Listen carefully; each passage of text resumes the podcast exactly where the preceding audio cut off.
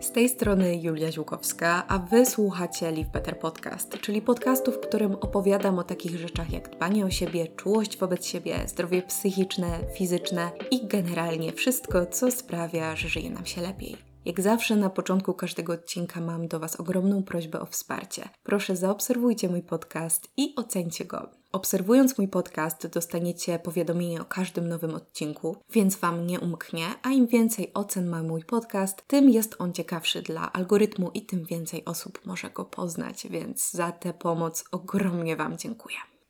Mam wrażenie, że ten podcast będzie dosyć chillowy, bo nagrywam go mocno późnym wieczorem. I jestem, szczerze mówiąc, już dosyć senna, więc mam wrażenie, że poziom energii i poziom e, jakiejś takiej ekspresji nie będzie zbyt wysoki, ale zakładam, że do tematu tego odcinka akurat taki spokój pasuje. A wy lubicie te chillowe odcinki, lubicie kiedy jest spokojnie, bo podobno was to relaksuje, więc chodźmy, wejdźmy głębiej w ten relaksujący odcinek o tym, w jaki sposób radzić sobie ze stresem, z niepokojem, z anxiety, z overthinkingiem i dlaczego w ogóle taki temat odcinka. Ja już kiedyś nagrałam odcinek o naturalnych i holistycznych sposobach radzenia sobie ze stresem, ale to było ponad dwa lata temu i stwierdziłam, że po pierwsze, może warto byłoby ten odcinek nieco rozszerzyć i uaktualnić i nie mówić tylko i wyłącznie o stresie. A po drugie,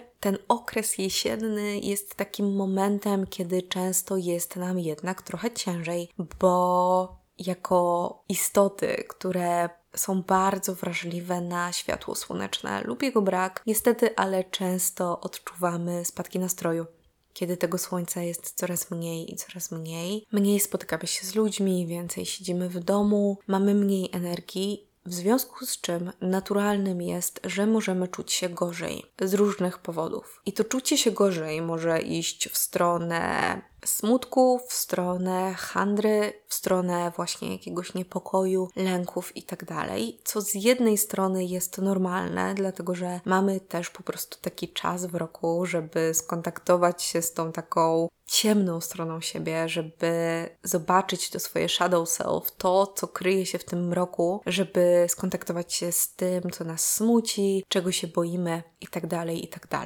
I to jest potrzebne, ale są też takie rzeczy, które nie są nam do końca potrzebne, i to jest nadmierny stres, to jest overthinking, to jest zamartwianie się niepotrzebne, to jest niepokój, to są stany lękowe, ponieważ to nie jest dla nas dobre, to nie jest zdrowe, to nie jest w żaden sposób produktywne. I dobrze by było jednak nauczyć się, w jaki sposób zarządzać takimi emocjami, kiedy one przychodzą, ale też w jaki sposób budować naszą codzienność po to, żeby ich było stosunkowo jak najmniej, żeby nie było ich nadmiaru, żebyśmy potrafili sobie z tym radzić, bo często, mimo wszystko, teraz w naszej codzienności, mimo tego, że jesteśmy świadomi, że chcemy dbać o siebie i tak dalej, i tak dalej, to tego stresu jest dużo. Stres jest chorobą cywilizacyjną. Ze stresu bierze się mnóstwo chorób to wszyscy wiemy, ale przez też nasz styl życia, przez scrollowanie, przez nadmiar bodźców i też wreszcie często przez jakąś niepewność, niepewne czasy itd., tak itd., tak doświadczamy większej ilości tego anxiety, doświadczamy więcej lęków. Dobrze by było, gdybyśmy umieli zarządzać naszą codziennością w taki sposób, żeby tych lęków, tych stresów, tego takiego natłoku myśli było jak najmniej w naszej codzienności. Oczywiście, żeby nie było wątpliwości, ten podcast nie zastąpi wizyty u specjalisty, jeśli tego potrzebujemy, jeśli wasze złe nastroje już przestały być złymi nastrojami i rzeczywiście idą w stronę jakiegoś chronicznego stresu czy też depresji, to warto wtedy skonsultować się ze specjalistą. Ale niech ten odcinek będzie takim wsparciem po prostu. Wtedy, kiedy tego potrzebujecie, wtedy, kiedy macie gorszy czas, kiedy potrzebujecie czegoś, co, co was troszeczkę spienizuje, co podpowie, co możecie zrobić. I teraz tak, błagam Was, wysłuchajcie tego odcinka z jakąś taką cierpliwością. I dlaczego z cierpliwością? Dlatego, że te sposoby, o których ja powiem, to nie będą sposoby, które jakoś wybitnie są nowe i są nie wiadomo w jaki sposób odkrywcze. Dlaczego? Dlatego, że często to, co najbardziej nam pomaga, to są te najbardziej proste, najbardziej podstawowe, najbardziej basicowe, nudne sposoby, jakie możemy sobie wyobrazić. To jest to trochę jak z budowaniem szafy, że może nie chce nam się inwestować w białe podkoszulki, ale potem się okazuje, że bez nich jest cholera ciężko się ubrać. I dokładnie tak samo jest z dbaniem o siebie. Możemy sięgać po sposoby, które są fancy i możemy być na poziomie kupowania kryształowych mis i leczenia się dźwiękiem, ale jeśli na przykład nie zadbamy o takie rzeczy jak dobry sen, czy nawodnienie, to niestety, ale to nam nie pomoże. I w tym odcinku będzie to samo. Niekoniecznie dowiecie się czegoś nowego, ale spokojnie. Być może tak, bo nie chodzi mi tylko o to, żeby mówić tutaj o samych basicach, ale to ma być Wasze przypomnienie też o tym, że zadbanie o podstawy jest naprawdę, naprawdę, naprawdę life changerem. I zanim przejdę do tych sposobów na to, jak radzić sobie ze stresem, z anxiety, z overthinkingiem, to Przegadajmy sobie najpierw dwie ważne rzeczy. Dwie rzeczy, które trzeba absolutnie zrozumieć, które trzeba mieć w swojej świadomości, żeby w ogóle zająć się stresem, żeby rozumieć, po co my to w ogóle robimy. Po pierwsze, stres nie tylko utrudnia nam życie, tak generalnie. Nie tylko utrudnia nam po prostu codzienne funkcjonowanie, ale ważne jest to, że jeśli nie zadbamy o odpowiedni poziom naszego stresu, o zdrowy poziom tego stresu, to nie mamy szansy na zbudowanie naszego zdrowia hormonalnego. Jeśli byśmy sobie taką piramidę hormonów zbudowali, to kortyzol jest na samym dole. To kortyzol jest podstawą. I jeśli nasz kortyzol jest w nierównowadze, to wszystko potem runie. To wszystkie inne hormony pójdą się, wiecie co. Przeklnęłabym normalnie, ale to jest nadal początek tego odcinka, więc e, może nie będę tego robić na samym początku. Albo dobra, w sumie, whatever. To pójdą się jebać.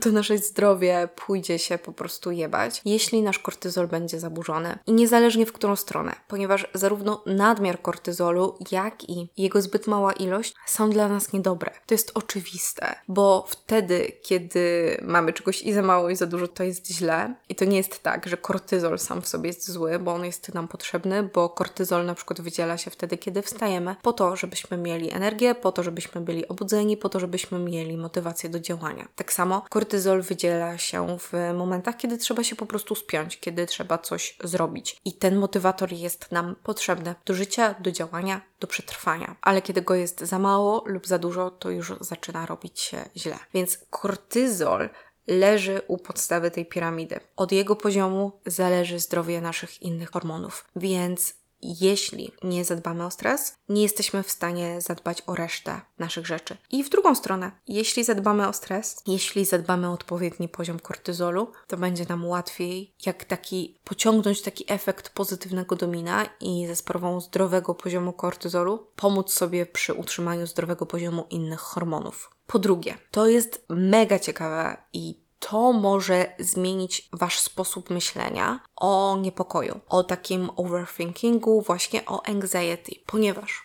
uwaga, anxiety, czyli ten taki niepokój, nas, uwaga, uzależnia i mało kto o tym wie mało się o tym mówi. Ale ten taki loop overthinkingu, wybaczcie mi ten angielski, ale ja wszystko, co czytam i wszystko, co oglądam na ten temat, oglądam po angielsku, więc jest mi czasem ciężko znaleźć polskie odpowiedniki. Ale wiecie, ten taki, ta taka pętla, ten zaklęty krąg overthinkingu i niepokoju ma w sobie, uwaga co? Pewną ilość dopaminy. A dopamina jest czym? Dopamina jest czymś, czego pragnie nasz mózg, czego nasz mózg poszukuje. Dlatego jesteśmy na przykład uzależnieni od scrollowania, ponieważ każda kolejna nowa treść to jest wyrzut dopaminy do naszego mózgu, jakaś mikrodawka dopaminy. I podstępne jest to, że ten nasz overthinking też zawiera w sobie jakąś dawkę dopaminy. Chroniczny stres sprawia, że nasze ciało zaczyna być zależne od tego haju, bo dopamina daje nam haj, poszukujemy jej. Więc jeśli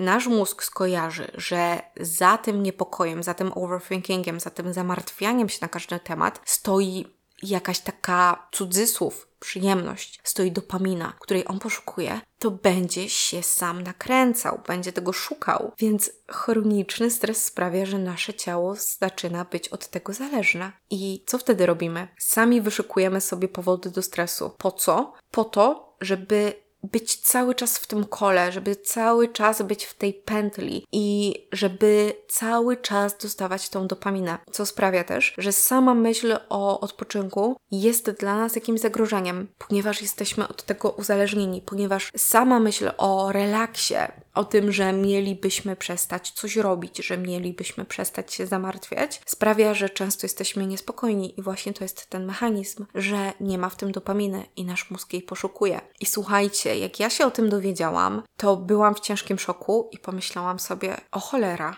naprawdę tak jest. Naprawdę mój mózg jest uzależniony od zamartwiania się. I zdałam sobie sprawę z takich mechanizmów, w których sama byłam. Jestem osobą, przynajmniej zawsze byłam, staram się to zmienić różnymi sposobami. Zawsze byłam osobą, która się bardzo zamartwia, która tworzy sobie w głowie czarne scenariusze, która się wszystkim stresuje którą ciągle boli brzuch ze stresu, która ciągle zbiera napięcie w biodrach i w ramionach i zawsze miałam wrażenie, że muszę się czymś martwić. I wyobraźcie sobie, czasem, kiedy łapałam się na takim momencie spokoju, po prostu spokoju, to odczuwałam nagły niepokój, czy ja się czymś nie powinnam martwić, czy ja nie powinnam sobie znaleźć tematu, którym się powinnam zacząć martwić, bo ten stan spokoju był paradoksalnie zagrożeniem dla mojego mózgu, więc automatycznie zaczynało się o cholera, czy ja nie mam czegoś, czy muszę się zacząć martwić? Przeszukiwanie mózgu, uwaga, uwaga, szufladki. O, jest. Okej, okay, dobra, mam temat. Finanse, zmiana klimatu, wojna. Dobra, okej, okay, mogę, mogę znowu być na tym haju, mogę znowu zrobić overthinking. Więc musimy przerwać ten loop. Musimy oduczyć nasz mózg tej, tego dopaminowego głodu, jaki daje nam anxiety. I w jaki sposób to robimy? No właśnie przez taki codzienny, o Jezu, self-care, Boże, ile razy ja tego słowa ostatnio używam, ale przez takie codzienne dbanie o siebie na różnych poziomach, które ma nam pomóc w naturalny sposób obniżyć ten poziom stresu oraz wyregulować nasz układ nerwowy, bo tylko i wyłącznie w taki sposób będziemy w stanie wyrwać się z tego zaklętego kręgu, wyrwać się z tego uzależnienia, bo umówmy się, to jest uzależnienie, tu już walczymy z czymś, co jest naprawdę grube, ale to nie znaczy, że nie da się tego zrobić. Ja na przykład walczę z tym uzależnieniem za pomocą jogi kundalini. Tutaj nie będę może wchodzić w, w ten temat, ale yoga kundalini ma na przykład medytację na uzależnienie i uzależnienie to nie musi być takie coś w naszym rozumieniu typowe, czyli alkohol, narkotyki, papierosy. Uzależnienie może mieć wiele różnych twarzy. Uzależnienie to jest też anoreksja, bulimia, ale też na przykład właśnie zamartwianie się. Także ja sobie działam z tą jogą kundalini, żeby się w ogóle tego oduczyć, ale nie o tym jest tego podcast. Nie o tym jest ten podcast. Przejdźmy sobie teraz do tych codziennych sposobów na to, w jaki sposób ograniczać nasz poziom stresu, w jaki sposób się regulować, w jaki sposób dbać o nasz układ nerwowy, żeby on jako taki basic, jako taka baza był wychillowany, żeby on był spokojny, domyślnie, żeby on był w dobrostanie, w równowadze na co dzień i żeby ewentualnie regulować się w sytuacjach, kiedy tego potrzebujemy, w sytuacjach stresu, w sytuacjach zagrożenia itd., tak itd., tak ale nie, żeby cały czas ten nasz układ nerwowy był w rozchwianiu, żeby on cały czas był w tym takim flight or fight, walcz albo uciekaj stanie. Słuchajcie, napiję się miętki, bo jak zwykle piję sobie miętę wieczorem, a to też jest e, jeden z bardzo dobrych sposobów na to, żeby walczyć z, ze stresem, czyli ziółka. Ok, teraz mogę gadać dalej. Konkrety. No dobrze, to w jaki sposób radzić sobie na co dzień z anxiety, z overthinkingiem i z lękami? Uwaga! Zaczynam od czegoś, co po prostu sprawi pewnie, że walniecie się głową w stół albo w jakąś ścianę i powiecie, ja pierdolę serio. Uwaga, nawodnienie. Mhm. Mówiłam, że te sposoby nie wszystkie będą fancy schmancy. Zaczynamy od absolutnych podstaw.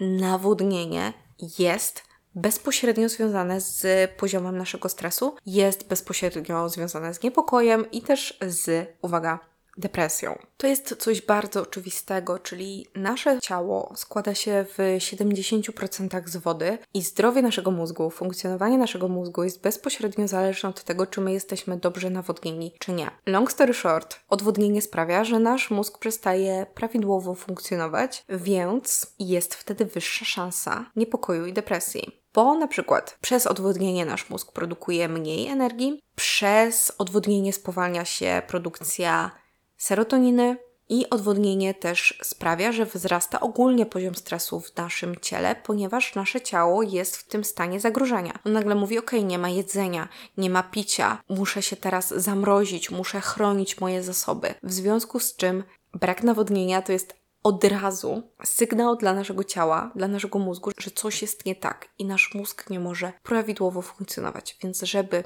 zachować nasze ciało, nasz mózg, funkcjonowanie w równowadze, musimy się nawadniać. Najbardziej skutecznym sposobem nawadniania się jest picie ciepłej wody, małymi łyczkami. Można dodać do tego sól dobrej jakości albo jakieś elektrolity. Wtedy naprawdę mamy pewność, że jesteśmy nawodnieni. Szczególnie polecam picie ciepłej wody małymi łyczkami jesienią, ponieważ to nas dodatkowo rozgrzeje i to nas świetnie nawodni. Można sobie nosić ze sobą butelkę termiczną i nalewać sobie trochę do małej czarki, małej szklanki i popijać sobie tę wodę cały czas w ciągu dnia. I uwierzcie mi, wiem, że to brzmi jak banał, ale takie najprostsze sposoby są często life changerami i często nawet jak się pójdzie na terapię z depresją, to terapeuta zapyta, a jak się nawadniasz, a jak śpisz, a jak jesz? I te pytania nie są z dupy, te pytania nie są bez powodu to naprawdę jest podstawa tego, żebyśmy dobrze funkcjonowali. Kolejną taką oczywistą rzeczą jest oczywiście co? No, sen. Bez snu też nie jesteśmy w stanie dobrze funkcjonować. Sen nas reguluje, sen sprawia, że się regenerujemy, sen wpływa bezpośrednio na prawidłową równowagę i pracę wszystkich układów w naszym ciele, a więc też zdrowie hormonalne. W związku z czym, bez tego, że będziemy się głęboko, odpowiednio wysypiać, to niestety, ale nie możemy obniżyć poziomu stresu. Więc jeśli cierpicie na stany lękowe, to odpowiedzcie sobie na pytanie,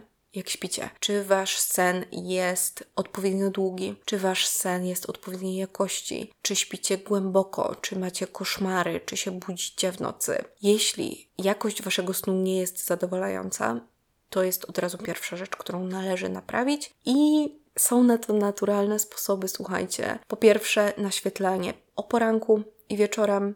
Po drugie, odstawienie social mediów godzinę przed spaniem nie naświetlanie się światłem niebieskim. Po trzecie, chłodny pokój, wywietrzony, nienagrzany. I te rzeczy już nam powinny pomóc naprawdę pogłębić naszą jakość snu bardzo znacząco. Trzecia oczywistość jest to sport, jest to ruch.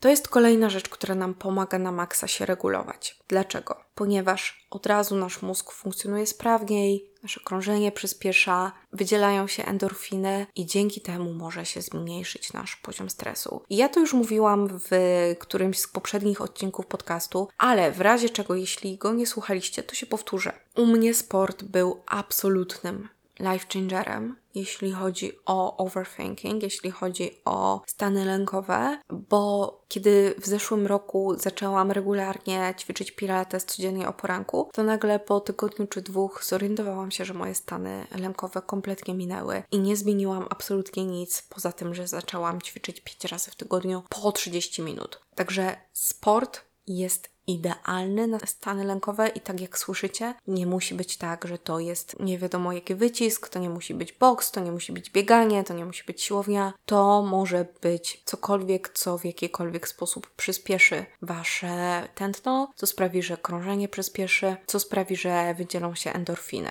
Więc może niekoniecznie yin yoga pod tym kątem jest na przykład odpowiednim wyborem, bo jednak dobrze by było, gdyby to tętno nam wzrosło podczas tych ćwiczeń. Oczywiście Oczywiście yoga wspaniale pomaga przy stresie, ale tak generalnie, jeśli chodzi o taki codzienny basic, to powinniśmy wykonywać jakiś ruch, który podnosi nasze tętno. Dla naszego zdrowia ogólnego, fizycznego i psychicznego. I tutaj, jeśli chodzi o stres, jest tak samo. To, co też bardzo pomaga regulować nasz stres, to jest regularny tryb życia, ponieważ nasze ciało przyzwyczaja się do regularności, ono ją bardzo lubi. Ta regularność jest to nam na maksa potrzebna. Więc im mniej mamy takiej nieregularności, im mniej mamy zaskoczeń, dla naszego ciała, tym lepiej ono sobie radzi w codzienności i tym lepiej może się przystosowywać do, do tego, co, co je otacza. Więc nawet kiedy pojawi się jakiś bodziec, jakiś trigger, który sprawi, że pojawi się ten stres, to regularny tryb życia pozwoli sobie nam lepiej z tym poradzić. Bo jeśli jesteśmy rozregulowani, jeśli nasze ciało nie ma kompletnie o co się oprzeć, jeśli ono nie wie, o której dzisiaj wstaniesz, o której położysz się spać, o której zjesz, kiedy się napijesz i czy w ogóle się napijesz,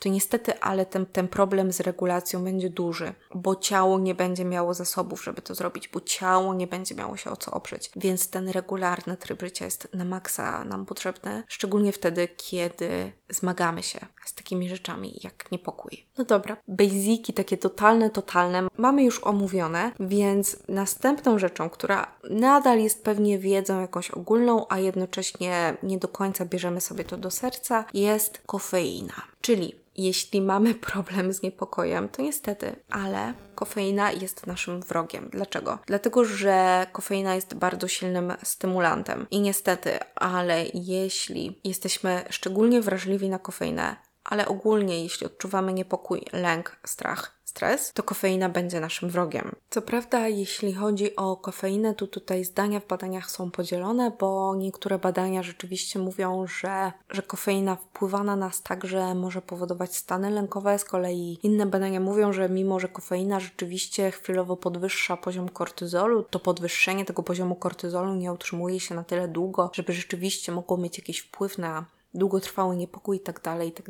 Niemniej kofeina sprawia, że przyspiesza nasze bicie serca, że możemy czuć mdłości, że możemy czuć zawroty głowy i często za dużo kofeiny plus już i tak istniejące objawy niepokoju i lęku, to może być dla nas tłumacz. I niezależnie od tego, więc najbezpieczniejsze będzie ograniczenie, ograniczenie kofeiny, jeśli zmagamy się z stanami lękowymi. I teraz tak, to nie jest tak, że musicie ją ograniczać do zera, że musicie ją odstawiać, że musicie teraz e, totalnie, totalnie ją wykluczyć ze swojego życia, tylko może warto przyjrzeć się swoim nawykom związanym z kofeiną, czyli na przykład ile kaw pijemy dziennie czy pijemy je na pusty żołądek, czy na przykład pijemy, nie daj Boże, energetyki. Albo na przykład, że możemy pomyśleć, czy kawy nie zmienić na maczę, która ma ten wyrzut kofeiny jednak zdecydowanie bardziej stabilny i uwalnia się ona dłużej. Nie jest ten wyrzut taki drastyczny, jak przy piciu kawy. Potem spadek też jest to jednak dosyć mocno odczuwalny. Więc ta kofeina jest taką rzeczą, która może być dyskusyjna, bo niektóre badania wręcz pokazują, że kawa jako bardzo silny stymulant może właśnie pomagać e, przy lęku czy depresji. Więc to jest rzecz, której musicie się przyjrzeć sami i same. To jest coś, co musicie na sobie przetestować, ale generalnie raczej z zasady przy takich objawach jednak za dużo kofeiny nie jest dobre i warto ją ograniczyć albo poszukać jej w jakichś trochę bardziej stabilnych źródłach. Kolejna nieprzyjemna prawda jest taka, że jeśli odczuwamy stres i niepokój, to to, co trzeba by było wywalić ze swojego życia, to jest scrollowanie. I jasne, to jest trudne, no bo znowu uzależnienie, bo dopaminka, bo kciuk sam chodzi, Wiadomo, że tak, ale scrollowanie w momencie niepokoju to jest najgorsze, co możemy sobie zrobić, bo nie dość, że mamy światło niebieskie, które sprawia, że nasz mózg jest bardziej pobudzony, to jeszcze mamy mnóstwo bodźców, które wywołują niepokój. I po trzecie, w takim momencie niepokoju to jest często doom scrolling, czyli scrollowanie przez te wszystkie złe wiadomości. Ja osobiście już tego nie robię, ale jak łatwo jest trafić na jakieś negatywne treści przez przypadek, które mogą spowodować gwałtowny wyrzut kortyzolu. Słuchajcie, u mnie to jest nagminne. Ja już też nauczyłam się odobserwowywać osoby, które wrzucają takie treści, kiedy ja się tego nie spodziewam i, i wrzucają jakieś takie memy, które są niby śmieszne, ale generalnie na przykład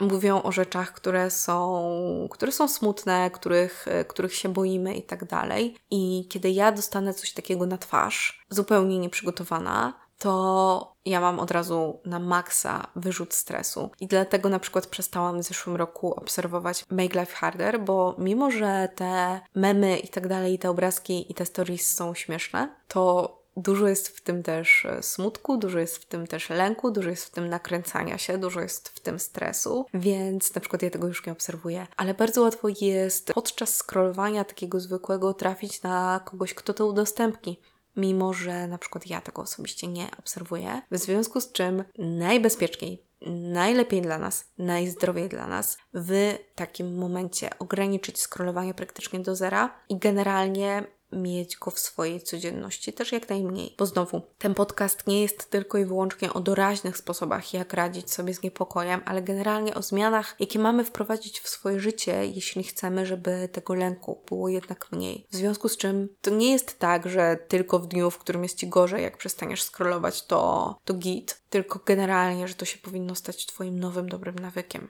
to, żeby scrollować mniej. Następna rzecz to jest oczywiście, oczywiście regularne bywanie w naturze, ponieważ nasz mózg odbiera kolor zielony jako kolor spokoju, bo my jako gatunek ludzki jednak większość naszego życia przeżyliśmy w naturze. Dopiero stosunkowo niedawno zaczęliśmy wprowadzać taką cywilizację, jaką znamy, i przestaliśmy żyć w naturze, a przenieśliśmy się do miast. Ale nasze oko, nasz mózg dalej rozpoznaje ten kolor zielony jako taki kolor spokoju, tak samo kolor niebieski. W związku z czym najlepiej udać się do lasu, na łąkę lub gdzieś, gdzie po prostu są rośliny, gdzie potencjalnie jest woda lub niebo, bo to nam w naturalny sposób wyciszy układ nerwowy, bo to nam w taki najbardziej pierwotny sposób pomoże się wyregulować. Więc każdy z nas powinien szukać tego kontaktu z naturą w codzienności. Ja wiem, że ja się strasznie powtarzam w tych podcastach, ale to jest coś takiego, bez czego nie można żyć, więc sorry.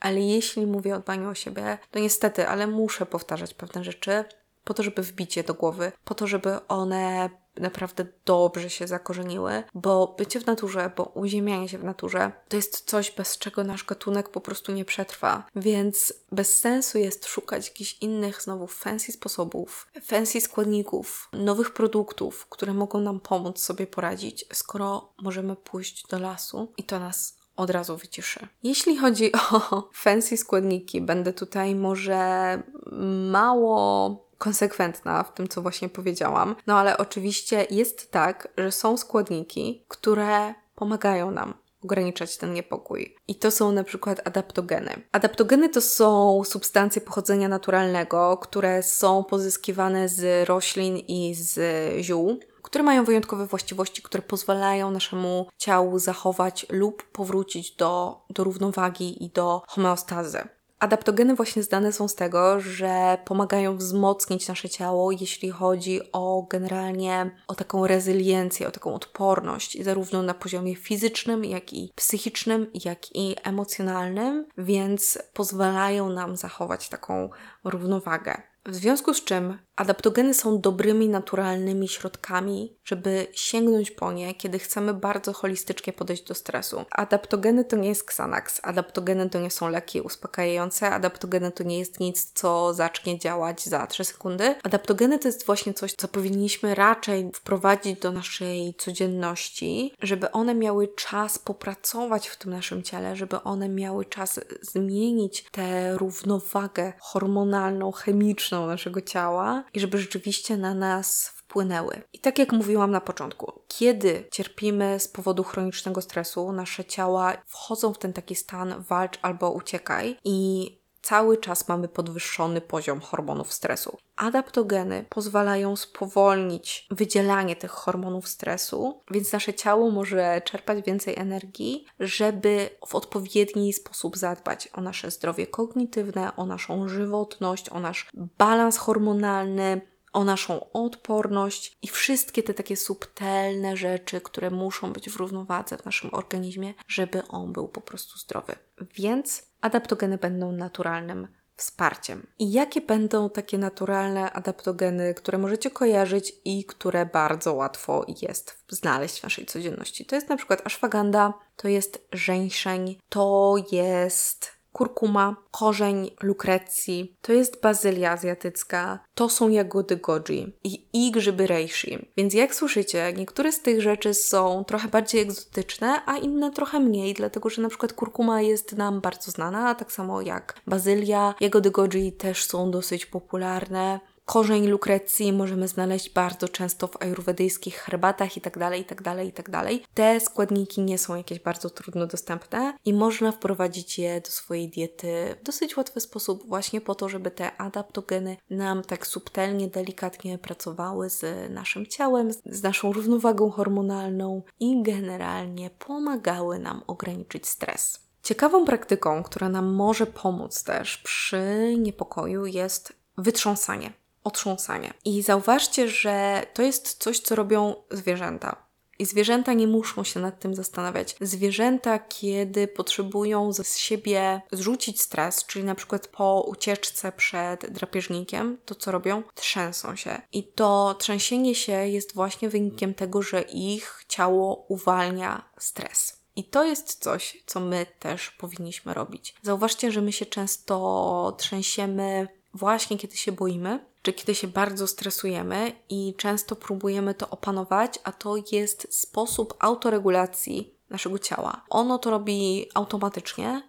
i nie powinniśmy tego powstrzymywać, wręcz przeciwnie. Takie wytrząsanie stresu to jest bardzo skuteczna forma radzenia sobie z nim w taki sposób właśnie intencjonalny, że niekoniecznie trzęsiemy się, że już jesteśmy w takim stanie, że się po prostu trzęsiemy i nie możemy się opanować, tylko wytrząsamy z siebie, machamy całym ciałem, tak jakbyśmy po prostu dziko tańczyli. I takie wytrząsanie z siebie stresu jest bardzo, bardzo, bardzo skuteczne i jest bardzo pierwotne i bardzo proste i bardzo szybkie przy okazji. Następną praktyką związaną z naszym ciałem, które może nam szybko przynieść ulgę, jest opukiwanie się, czyli tapping po angielsku. I to jest pukanie się w punkty, które są związane właśnie z odczuwaniem stresu. Więc to są punkty związane z akupunkturą. Więc bierzemy naszą dłoń i pukamy się w czubek głowy, w nasze brwi, pod naszymi oczami, z boku oka, pod nosem, na brodzie, w miejscu naszych obojczyków, pod pachami i w naszą pięść. I to jest na przykład taki prosty sposób na to, żeby się wyregulować. To nie jest też jakaś czarna magia, tylko tapping jest bardzo też taką pierwotną praktyką. To nas nic nie kosztuje, to zajmuje 30 sekund, żeby się tak delikatnie opukać. Więc następnym razem, kiedy poczujecie, że ten stres do Was przychodzi, spróbujcie tak się delikatnie popukać albo wręcz oklepać po całym ciele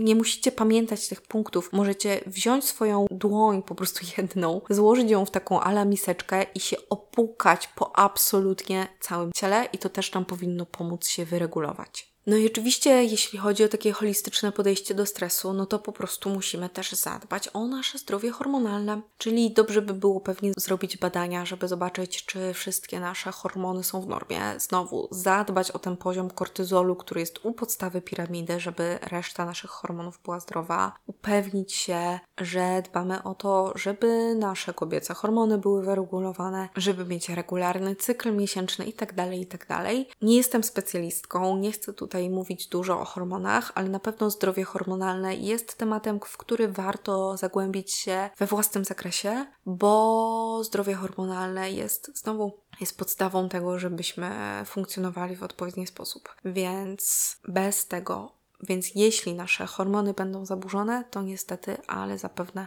nasz poziom stresu również będzie zaburzony. Słuchajcie, tak jak mówiłam, ten podcast na pewno nie był przełomowy, ale uważam, że niekoniecznie dbanie o siebie powinno być przełomowe i że często najskuteczniejsze dbanie o siebie to jest właśnie to, które wywodzi się z podstaw, które wywodzi się z tego, co tradycyjne, z tego, co jest nam znane od pokoleń, od wieków, czasem od tysięcy lat bo to jest mądrość, która, która nie umiera, to jest mądrość uniwersalna, która się nie zmienia. I tutaj nie przeskoczymy takich rzeczy jak sen, jak nawodnienie, jak ruch, jak hormony. Mam nadzieję, że może chociaż zaskoczyło Was delikatnie to wytrząsanie stresu, albo opukiwanie, albo na przykład te adaptogeny, że może cokolwiek było takiego nowego, bo jednak lubię, kiedy w tym podcaście pojawia się jakaś chociaż nowa wiedza. No ale jeśli nie, to zawsze macie tutaj taką checklistę, że kiedy będziecie zmagać się z pogorszeniem nastroju, to możecie się siebie sami zapytać: OK, czy ja dobrze śpię?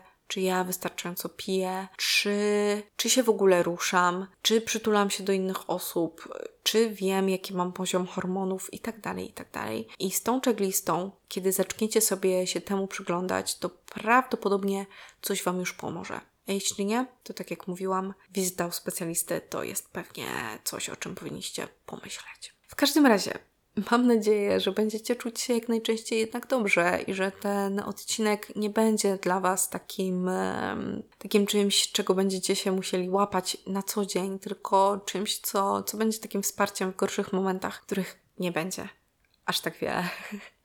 Tego Wam bardzo życzę. Słuchajcie, jak zwykle dziękuję Wam za wysłuchanie tego odcinka. Ja już kończę, bo jest już naprawdę późno. Dopiję sobie swoją miętę i uciekam spać. I jak zwykle słyszymy się za tydzień w środę o 7 rano. A Was w międzyczasie zapraszam na moje social media, na Instagrama, na TikToka, na YouTube'a. W tych miejscach jestem też aktywna. Jeśli mnie tam jeszcze nie zaobserwowaliście, to proszę zróbcie to, szczególnie na Instagramie, bo dzięki temu będziemy mogli być w bardziej żywym kontakcie i może wymieniać wiadomości, albo może dowiecie się jakichś innych nowych, ciekawych rzeczy z treści, które tam publikuję. Że jeszcze raz dzięki za słuchanie tego odcinka i do usłyszenia. Pa!